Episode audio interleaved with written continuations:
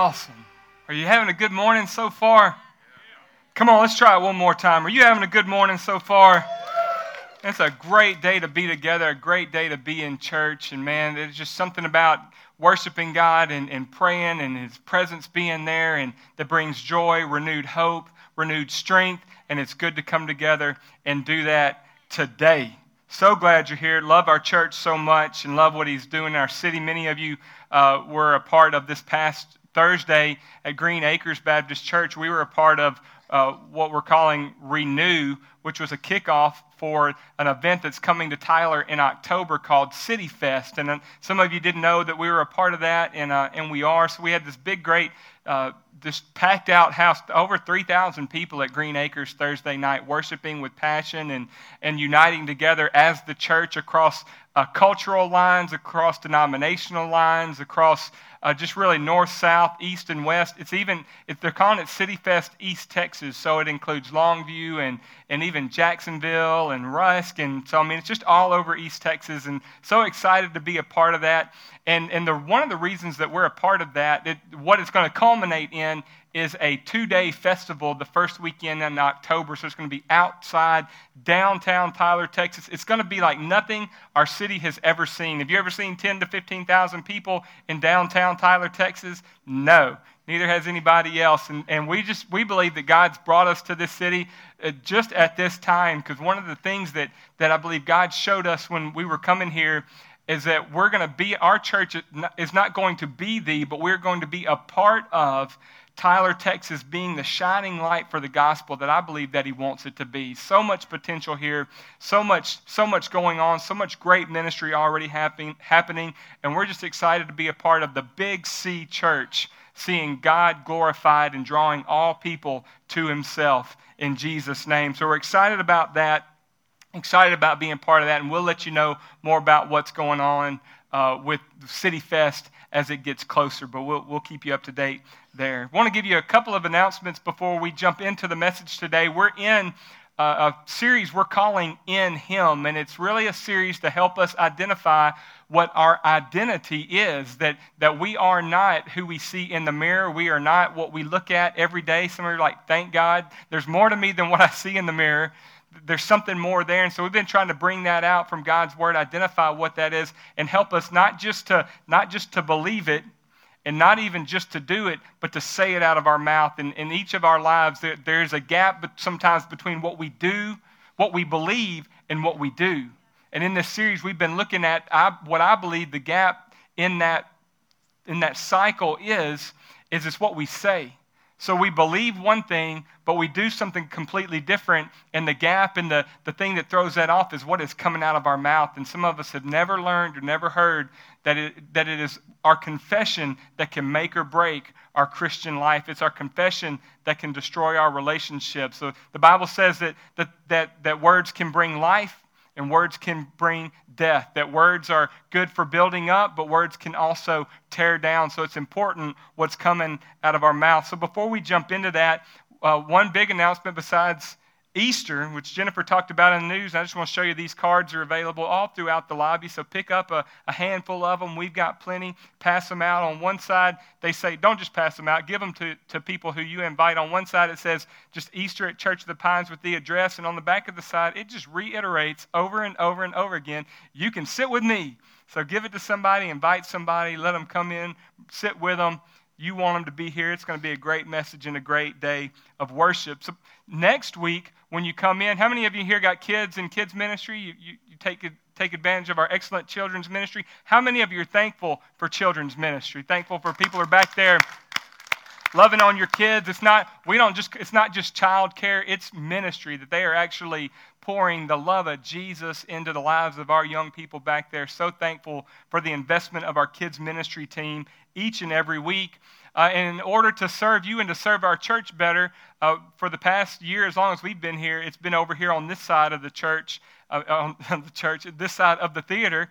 Uh, so we're moving it next week. When you come in, it's all going to be moved over into this side. We just, for a couple of reasons. One, all of those theaters are this size. So the floor space is down there. If you haven't seen it, uh, all the ministry in those rooms happens on this floor space. So all those floor spaces are bigger, so there's more room for the kids to run around and more room to minister to them. Uh, it's also fewer steps, so those of you parents who are bringing your kids in, you don't have to take 500 steps to get them all the way over there. It's, it's right here, and it'll be right here in this hallway. And also, I just think it'll make us all feel a little more comfortable that our kids are so close to us that we can see where we're dropping them off, and it just brings us all together a little closer. So we're excited about that. So, parents, just know when you come in next week, it'll be a little different process, but we'll have signage out there, and you'll know exactly where everything is. But just so you know, it'll be over on this side. So I've told you what's going on, what's coming up in the church. I've kind of brought you in a little bit on the, the series that we've been going through and that what we've been talking about. And we have made this statement that faith, it demands expression and it demands testimony. That, that it's not enough just to believe it, to have a, a mental assent towards it. And I really believe it's not enough just to do it, because we can do a lot of things, but if nobody knows why we do it, what, what we're saying needs to line up with what we do. So there's a, there's, a, there's a formation, we called it in week one, a faith formation. That what I, what I believe, I say, and what I say, I do. It's the power of our words and the power of our confession. Let me read something as we kind of move into another thought in the line of this series today. I want to read something to you. I'm a fair amount of scripture. I'm just going to read it to you. It's not going to be on the screen. It's, it's more than just the, the passage in your notes. But this, this passage that you have in your message notes in Acts chapter 17 and verse 28, the story and the context for this passage of scripture is it says, For in him we live and we move and we have our being. Can I tell you? And we used this as a confession last week. We talked about how to create a confession, and we use this as the outline for one of our confessions that Paul says, In him we live and we move and we have our being. And it's a great reminder that that's where our source comes from, that's where our life comes from, that's where everything that we have as believers come from, is from him. As a matter of fact, why don't you say that with me? In him I live, I move, I have my being. So we exist through him. And this whole context for this passage, I, I love this chapter because Paul is in the city of Athens. Paul wrote the majority of the New Testament and, and, established so many New Testament churches. And most of the books that we have in the Bible, the epistles, so Philippians, Colossians, Ephesians, Galatians, those kinds of books, Paul wrote all those as letters to new churches that he planted. And while he was on his journeys and doing all his stuff, he found himself in Athens. And he was waiting to meet some friends of his in Athens. They had planned to meet there to catch up. And in Acts chapter 17, verse 16, it says that while Paul was waiting for them in Athens, he was greatly distressed to see that the city was full of idols. And that's in verse 16. And so he started to argue and reason with some of the Jewish leaders and, and even some of the, the God fearing or Christian Greeks in that area in the marketplace, just talking about what's up with that? What's up with all these idols in this city? So he sees it. He starts talking to people, which is what he did. And they said, Hey, we're hearing what you're saying. Why don't you come, why don't you come with us? We want to take you to another group of people so that you can tell them what you're telling us. And so they brought him into an assembly, and I think it's probably something similar to this. It's outside, and there were a lot of people sitting in the stands, sitting in the risers out there, and they bring Paul in to address this crowd. So he's standing in a position similar to the position that I'm standing in front of you today. And he stands up in the meeting that they brought him to, and he says, Men of Athens, he says, I see that in every way you are very religious. For as I walked around and looked carefully at your objects of worship, I love how he said that, that the objects of their worship, that I even found an altar with this inscription to an unknown God. They were so religious, so spiritual, they, that they were concerned that they might have even left somebody out in all the idols that they had. And so they even made one to a God just in case they left somebody out. And he says, he said, now what you worship as something unknown, I am going to proclaim to you today. And he used that platform, and this is when, when you talk about the Bible and you listen to people talk about what Paul did and the missionaries' journeys that Paul had, they really they, they point this out as just one of the smartest moves, that one of the greatest gifts that Paul had, besides a personal encounter with Jesus Christ, was the, um, was the opportunity and the ability to take whatever it was that he was finding and use that as a springboard or as a platform to talk about Jesus, which is exactly what he did here today. He said, You've got a statue for an unknown God, and what you are worshiping is unknown, I'm going to proclaim to you today. You know, in our in my personal journey, with, this church is a little over a year old now, and we moved here in the summer of 2017, and we were even making trips before that. And we would come to people and we would tell them our, our vision and our, our dream of Church of the Pines and what we believe God wanted to do in our city and, and through the church. And the, the most common question that we got is why does Tyler, Texas need another church? We, we get it all the time. We don't get it all the time anymore, but we got it all the time then. And could it be that almost 2,000 years ago, the Apostle Paul is in Athens and he sees all the statues and he sees all the worship and he sees all the everything that's going on Jewish and Christian, and I'm sure you know that you got the Greek mythological gods, Zeus, and, and all that in play in Athens, and he sees all that. And he says, and they are even worshiping. So they got the things that they know they're worshiping, but then they got things that they don't even know that they're worshiping. And could it be that in a city like Tyler, Texas, or any city in East Texas, or in the deep South for that matter, could it be that we have churches and that we have people and that we have Christians and non Christians who worship things and they don't know what they're worshiping? so we know that we have unbelievers and there are people in the city who don't know God. Every day in our city, there are thousands of people who do not know Jesus. There are uh, hundreds and thousands of people in our city who probably never even heard of Jesus. So we knew that God was calling us to that, that we know we're called to reach the lost. But then there's also churches full of people, and there may be some of you here today who come and, and you gather, but you don't know who it is that you worship. You worship, and that's the, the title of the message today you worship an unknown God. And Paul begins to unpack who this un, unknown God is. He says, he says, I'm going to proclaim this to you today. And he says in verse 24, he says, The God who made the world and everything in it is the Lord of heaven and earth and does not live in temples built by hands. So he doesn't live in a movie theater. Thank God. He doesn't, he doesn't live in, in churches. He doesn't live in the things that we create and the things that we build. And he's not served by human hands as if he needed anything. Because he himself gives all men life and breath and everything else. So the service that we give to God is really the service that we give to other people. We serve God by serving each other. It's not what we can do for him, it's what, what he wants us to do for each other. He says he gives men life and breath and everything else, and from one man he made every nation of men, that they should inhabit the whole earth. And he determined the times set for them and the exact places where they should live. This is Paul preaching. And God did this so that men would seek him. So God's put life in you. God's put life in the earth. God set things in motion. God placed this church here at this time so that some of you who are here who were not seeking Him will begin to seek Him. He did this so that men would seek Him and perhaps reach out for Him and even find Him. Because you know what? He's not very far from each one of us. He wants to be found. And then he makes this, it's a quote. And it's in quotations. If you got your Bible, you can see it. It's in quotation marks. It says, For in him we live and move and have our being. As some of your own poets have said, we are his offspring.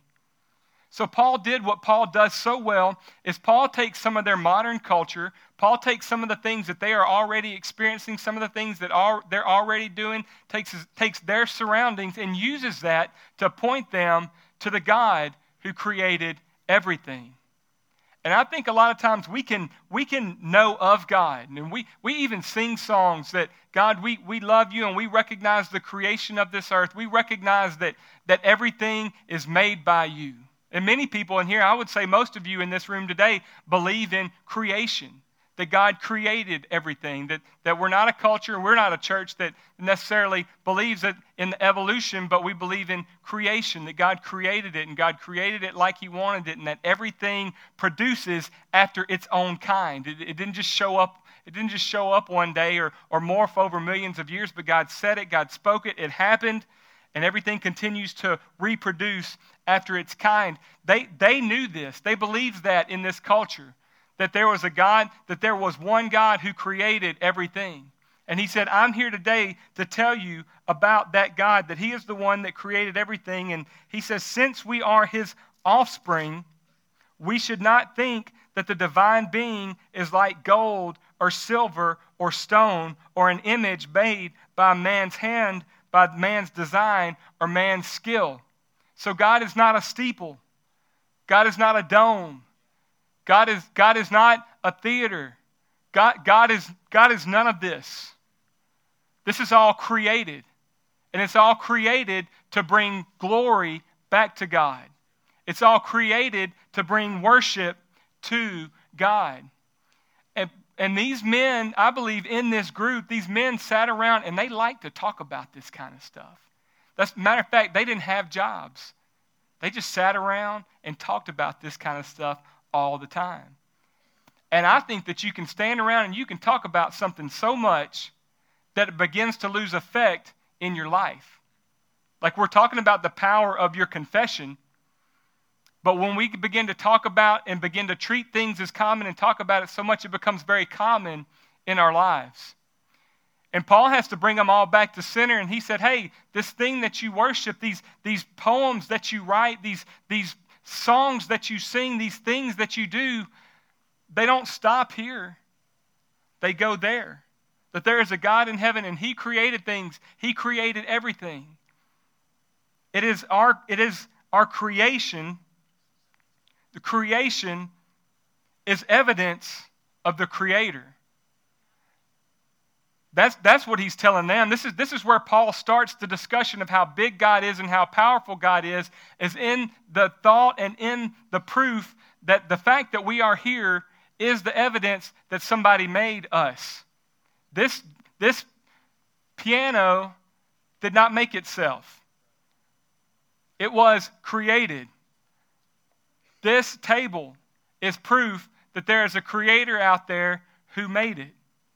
Everything that you have, it didn't just show up and it didn't just transform over a number or millions of years. It was made. And it was made for a reason. And the fact that it was made shows you that there is a maker. And that's what really that's what Paul's trying to establish here with these guys is that, and this is what he says, and I, and I want to break down these, I want to give you a little Greek lesson today and what these words mean because he's not He's not, he's not going super spiritual deep on them yet. He's trying to meet them where they are. Can I tell you, God can handle you and your situation right there where you are. And sometimes we're not in a position to receive or hear or understand deep theological things. Sometimes we just got to start where we are, and God's not scared of that. God can take you where you are. Jesus can take you from right there where you are and get you to where He wants to be. He's not scared of where you are. He'll take you just as you are, just where you are. So, Paul, in this specific passage, is talking about some very natural things. He says, In him we live. That word live is the word zao. Everybody say zao. You're learning, you're learning Greek today, zao, and it literally means to live, to breathe, to be among the living, not lifeless, not dead. That God, the Creator, in him, this, we have this so before we get into any of these deep theological, spiritual things, we got to be solid on the idea that God, the breath that we breathe, came from God. The fact that we can be here today just naturally comes from God. He says, In him we live, in him we move. That's the Greek word kaneo. Everybody say kaneo. It's a kaneo, and that's, that's that root word where we get kinesiology and kinesthetics. It's, it's literal motion. It's defined as literal motion, which is evidence of life. That the life on the outside, the fact that I can wiggle my fingers and wiggle my toes and that I can stand up here before you and move around, Paul's telling these Greek guys that in itself is evidence enough that there is a creator and that there is something more to this than what you're seeing and what you're saying and what you're believing. And then he says, and we have our being. That's the word I, me, not oh, me. Everybody say oh, me. Now, not oh, me. You're like, oh, me, where are we going with this? Says, I, me. E M I. E I M I. And that just means we are, that we exist. Paul's taken these Greek philosophers, these people who think a different way, and he's taken this idea, taken very natural situations and circumstances to begin to point to them that there is a God that you worship. And that God is the reason that you are here today to even be able to live, to even be able to move, and to even be able to have your being, to, to exist. Paul used very obvious and natural examples to gain the attention and to begin to stir the thoughts of those who could only see it that way. They could only see it that way. They could only see it through the lens of what they knew. They could only see it through the lens of what they understood. There, there, was, no, there was no thought, or I, be, I believe it became very common for them to just be able to talk about these ideas and that those ideas. Well, maybe Zeus has got this right, and maybe, maybe the sun god's got this right, and you know, who's got this right and who's got that right. And I think if we're not careful, we can fall into that same trap that we can begin to think that everything's right or that everything's everything's got there's a little bit of truth in everything and, and it can take us away from the real truth. Again, that's why Paul establishes this and drives this home that, that you're worshiping a lot of things.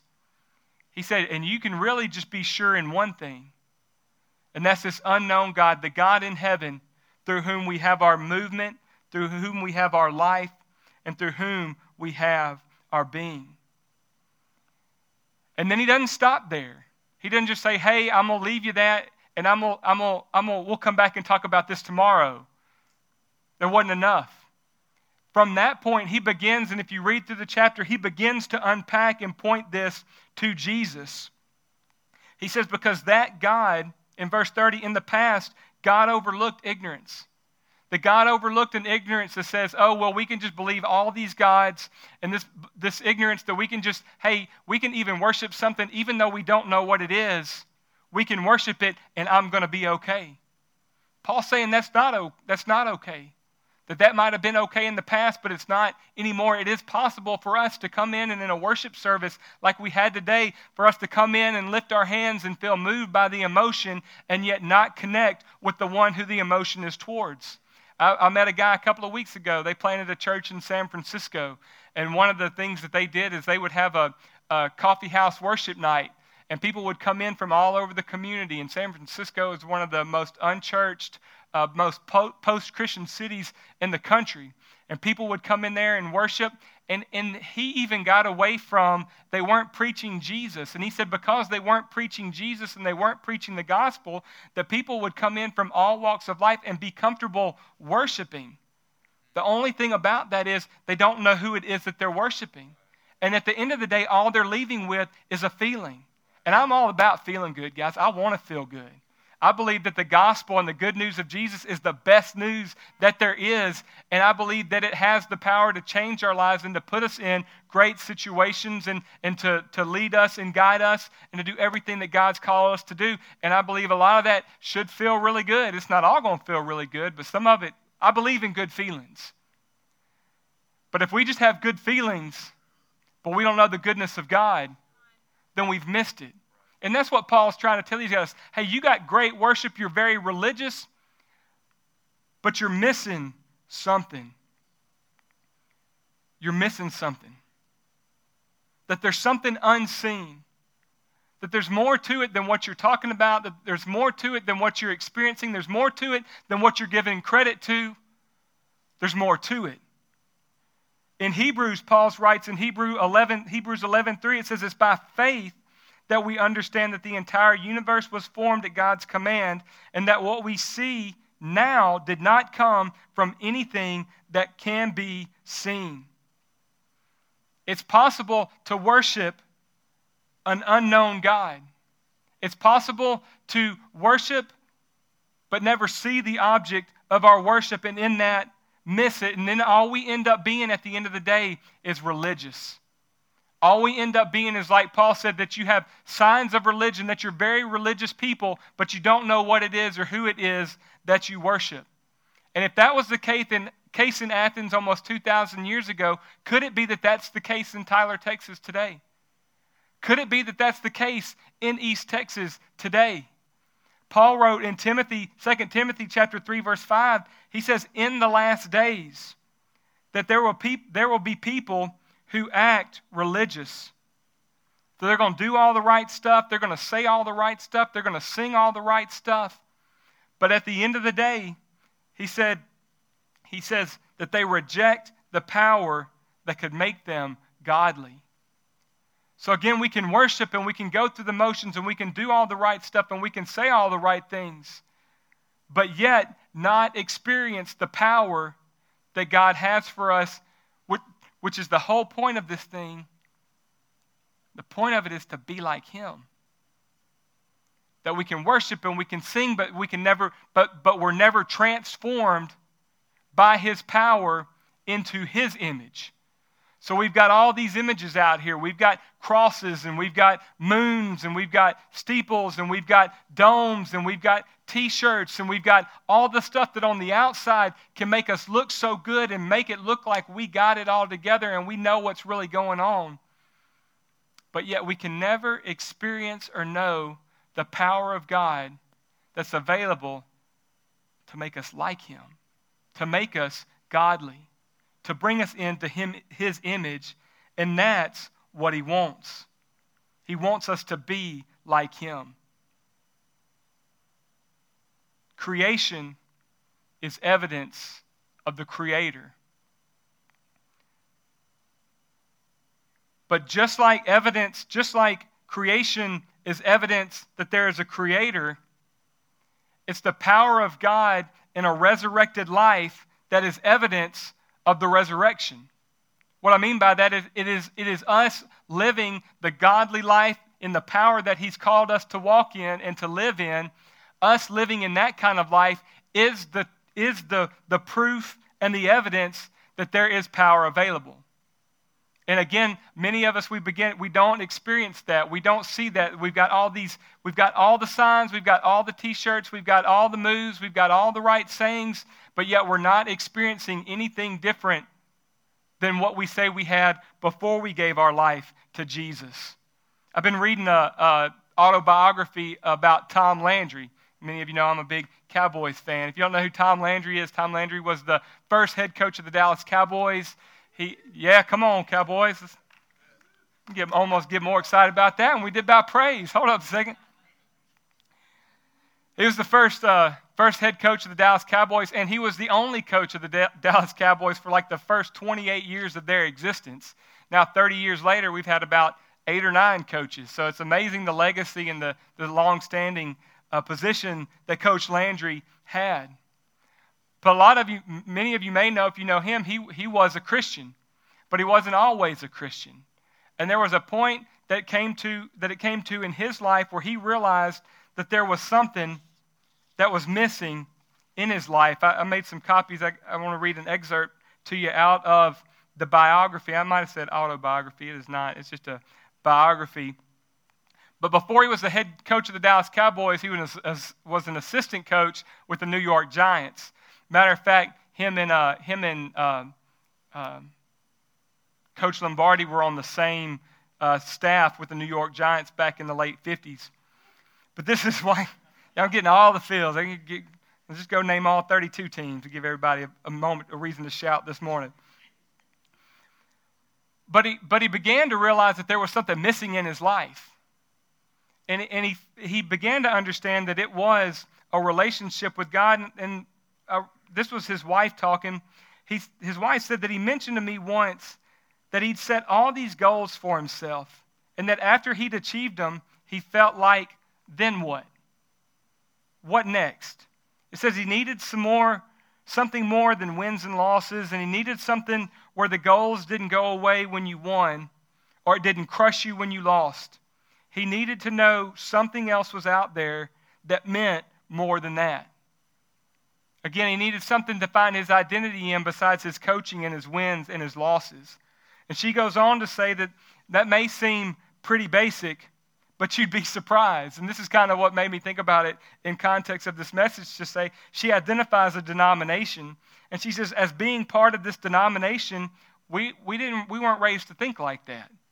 We weren't raised to think like there was more than just setting goals. She said, we were never raised to think like that. Our, our religious experience was more about living your life according to a set of values.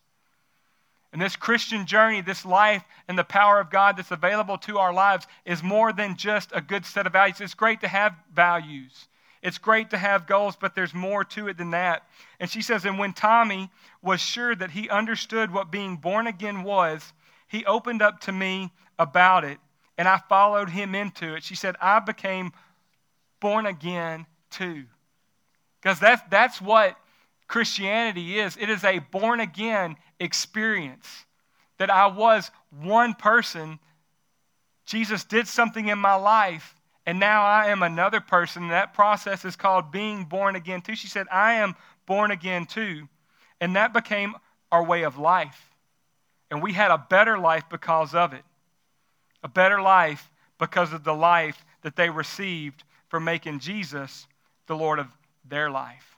I love this word that she, she used. She said that they had a life, that, that they grew up thinking it was goals and values, but it is more than goals and values.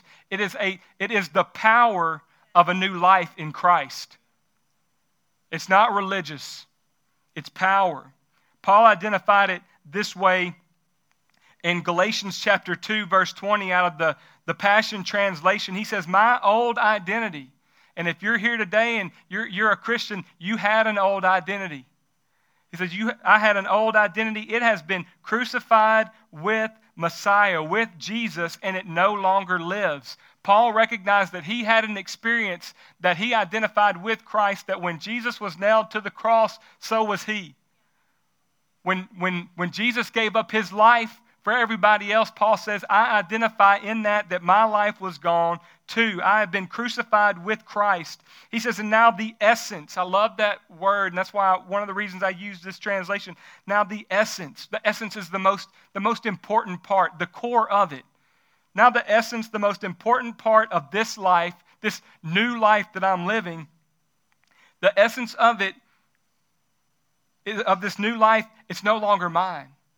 Paul says the most important part of, my life now, it's not even me. That's the power of the resurrection. That's, that's, that's what, this line that I shared with you. A resurrected life is the evidence of the power of the resurrection. The fact that I am not who I was is, shows you that He has done something in me. Because He lives, I live. Because He lives in me, I live. And now the most important part of my life isn't me anymore. It's the anointed one, it's Jesus Christ who lives his life through me. We live in union as one. And he says, My new life, it's empowered. Can I tell you, there is no empowerment in worshiping statues and idols. The power's not in the steeple. It's one of the things I love about meeting in a movie theater. You're never going to you're never going to confuse this place as, as, as religious. Never going to confuse this place with the, the temple of God. They're showing Pet Sematary in here today when we leave. Like, you're never going to confuse it like that because that this ain't it. The worship is not the building. The worship, the power, is empowered by faith. And it's not even of me, it's of Him. My new life is empowered by the faith of the Son of God who loves me so much that he gave himself for me and dispenses his life into mine. Can I tell you, that's what Tom Landry experienced. Good old coach. He experienced the same thing. And his wife even said, like, he had to study it. He wanted to understand it. He wanted to know what he was getting into because he wanted to experience the fullness of it. And so many times we can, we can jump into it to experience, we don't know what it is. That's why Paul took his time explaining it to the Greeks. But once you get in it, there's something to be experienced. There's a, there's a new life. There's a new experience. My life is not what it was. A resurrected life is evidence of the power of the resurrection. That when you see me and you see this life that I live, I can tell you. That's why we got to know because we're going to make that our confession. I can tell you, hey, this light, you can look at me and you can say, wow, what's going on there? Let me tell you. I was lost, but now I'm found. I was dead, but now I live because He lives on the inside of me. There is a power that I have that I didn't have. I have been empowered by faith in Jesus Christ. I got an acronym for you for the word life that you can remember what does that look like? How will somebody know if the resurrection power is living on the inside of me? Four little words. Living in freedom every day. I'm living in freedom every day. Can I tell you that's tangible? I tell you, people see that. When you don't say things the way that everybody else says them, people see that. When you don't side in with the junk and the garbage that's going on in your workplace, when you don't side in with the drama, when you don't belittle your spouse in front of your friends, when you don't watch the stuff that other people watch, when you don't listen to what other people listen to, when you don't participate in what they're participating in, it's not, it's not pretentious. If you're doing it in the power of the faith that's on the inside of you, it's going to speak. It, it, spoke to some of Tom Landry's guys. The, one of the other quotes in this book, this guy said about Tom Landry, it says, God bless Tom for his faith. I admired that because he didn't just say it, he didn't just say that he believed. I think a lot of us can say we believe, but he actually lived it. And how do they know he lived it? Because of what he said and because of what he did. As I read through this account in this part of the book, it said that, that the, the things of his faith, the, the beliefs that he had, the, the, the relationship that he developed with Christ, the new life that he had, he started to say it. It started to come out in his press conferences. It started to come out in his conversations. His players knew. Everybody knew. Everybody knew what he believed because he said it and he did it. That's the power of a resurrected life. That you and I, as we live in the power of God, when we, when we don't just believe it, we say it and we do it, that is the, that is the evidence that change has taken place. That I, I am in a new life. I am in new life with Christ. He is no longer, that's what Paul was saying in Galatians 2, it's no longer I that live, but Christ who lives in me. And that He lives in me because I believe in Him, and that belief changes what I do, what I say. And one of the things that we've been doing in this series is we've been taking some of these things that, when it comes to our identity of who Jesus says we are and what the Bible says that we are, Paul identified several things in who we are and what we have. Those are the things that we begin to say about ourselves. And that we begin to say something different than we've always said about ourselves, we'll begin to do things differently than we've always done them when we begin to say things about ourselves contrary to what everybody else is saying about themselves and what the world wants us to believe about ourselves, then people will see a difference.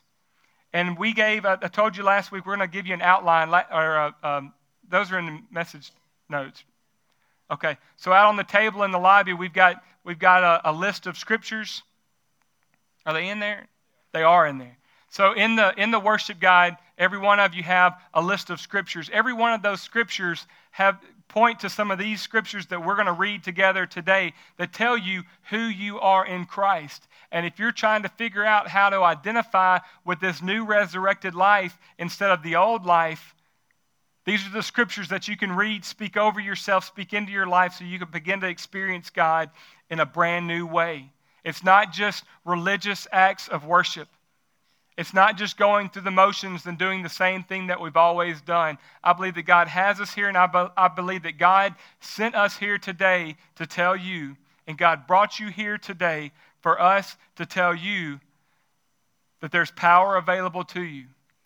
Start saying something different about yourself. So let's number 1, I want you to read through these real quick and then you can you can take these and study these for yourself. Begin to say things these things over you. I'm going to read through these and then we'll have one confession together at the end.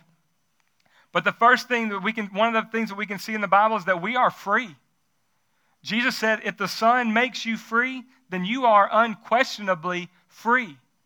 So if you're today a child of God, you've made Jesus the Lord of your life, or for some reason you keep going back to the same old thing, you keep getting trapped in the same bondage, you keep getting trapped in the same sin, one of the greatest things that you can do is remind yourself. Remind your mind, remind your heart, remind yourself and the world around you, I don't go back to that anymore. I'm free. If Jesus set me free, then I am free. And by speaking that in faith, you'll begin to experience something different. Number one, I'm free. Something else we see, I am forgiven. Everybody say forgiven. Some, some people, I think this is real common in the South and in the Bible Belt, that we confess Jesus Christ as the Lord of our life. And the Bible says if we'll confess Him and we'll step into that relationship, then He is faithful and He is just to forgive us and to cleanse us from all unrighteousness. But yet we continue to walk every day like He hasn't done it. Again, robbing the power and the effect of the resurrection in our life. If it's done, it's done. And some of you need to remind yourselves of that fact. I am forgiven. Ephesians 4:32 says, "Be kind and compassionate to one another, forgiving each other, just as in Christ God forgave you." So if you are in Christ, we, we said this two weeks ago, 2 Corinthians 5:17. If anybody is in Christ, in Christ, he is a new creation. The old has passed away, the new has come. And if you're here and you're a new in Christ, you have been forgiven. Say, I'm forgiven. And we need to remind ourselves of that. The Bible says that you're an overcomer. Say, I'm an overcomer. 1 John 4 4, you, dear children, are from God and have overcome them, because the one who is in you is greater than the one who is in the world. Because of what Jesus did for you and the power of the cross and the power of the resurrection, you are an overcomer. Bible says that you're more than a conqueror. Say, I am more than a conqueror. Paul says in Romans 8:37, knowing all these things, we are more than conquerors through him who loved us through him in Jesus. These are scriptures that we can read over ourselves. Just a side note, this is Romans, the greatest military force on the earth. And I think it's great how Paul took this idea of conquering to talk to the Roman people He's communicating them, a, a, a, culture who knew war, a culture who knew what it was to dominate. He's taking a very natural situation and using that language and using that wording to show what they have in the spiritual. God can use the created to point to the creator. In all these things, we are more than conquerors through him who loved us. And finally, we can do all things. Say, I can do all things Philippians 4:13 for I can do everything through Christ who gives me strength. I think we miss the power of the resurrection. That we can go to church and we can read our Bible but yet we pray and don't really expect God to change anything. That we pray and we ask God but it's just a hope and a prayer, right? That's just we're just winging it.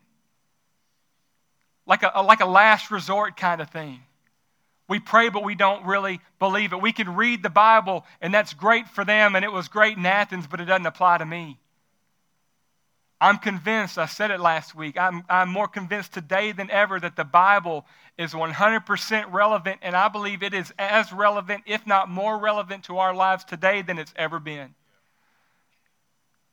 If 2,000 years ago, Paul can tell us that in the end, people are just going to go through the motions and they're going to worship, but they're not going to know what they're worshiping, that they can go to church and they can worship, but yet deny that there's any power in that. I think we see it everywhere we go. I think we see it a lot in the church. I believe that there's churches filled, and maybe you're here today that you've gone through the motions today, but you've never experienced the power of what we worship and who we worship. Can I encourage you today before we go? Experience that power. Experience the power. Why don't you bow your head and close your eyes? I'm going to pray for you. And then I, we're going to make this confession together here in just a minute. But I, I've been preaching, and I don't want to leave anybody out because maybe you're here today and you can't make a bold confession of faith in Christ because you've never made the first confession, and that is to make Jesus the Lord of your life, to just to welcome Him in. Maybe you're here today and you've never been convinced that He is the Creator. You've never been convinced of who He is and what He's done. But today you've heard something. Maybe you're here today and you've been going through the motions of religion. Maybe you've been sitting in church. Maybe you've been maybe you've been listening to the Bible. Maybe you've said prayers but never believed that God answered. Maybe you've never experienced his power because you've never been what Tom Landry's wife so plainly called it. You've never been born again. What does that mean to be born again? Uh, it's from the beginning of the Bible to the end of the Bible. We see that it is us giving our whole heart and our whole lives to Jesus that we recognize that there is a power at work greater than what I see. The Bible says that, that what we see is created by the unseen. I'm here to tell you today that there is more that we can't see than we can see with our natural eyes. There's more to this life, there's more to this world, there is more to God's plan for your life than what you can see right now. And today, maybe you need to take a step towards that by becoming born again. That just like Paul said, that he, that he, that he nailed, that he identified as being nailed to the cross with Jesus. And in that picture is his old life being put away. And then when Jesus was raised, which is what we celebrate on Easter, when Jesus was raised to life, when Jesus was resurrected, Paul says, I was resurrected too. And now the life that I live is the life in that resurrection. I don't identify with my old life, I identify with this new life in Christ. Born again. I was live, then I died, and now I'm alive in Christ. And if you're here today and your experience has been anything but that, I want to pray for you. I'm not going to ask you to come to the front. We're not going to do anything to bring attention to you. As a matter of fact, we're all going to pray a prayer out loud together. But with every head bowed and every eye closed, I'm going to count to three and I'm going to ask you to lift your hand. And we're going to all pray a prayer together out loud. And you can walk out of here today knowing that you are walking out in a new life in Christ. If that's you, on the count of three, raise your hand. One, two, three. Anybody in here? Thank you. I see your hand. Anybody else? Will anybody join this one? Thank you, sir. I see your hand. Anybody else? So great. Well, why don't we pray this prayer out loud together and then we're going to make this confession. Say, Dear Heavenly Father, I thank you for Jesus.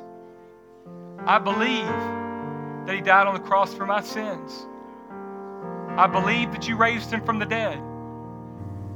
And from this day forward, I find my identity in that life. Thank you for changing me. Thank you for giving me new life. I confess Jesus today as the Lord of my life. I will follow you, will come close to you. Thank you for saving me. In Jesus' name, amen. Amen. Hey, church, help me celebrate these that made that decision today. That's so awesome.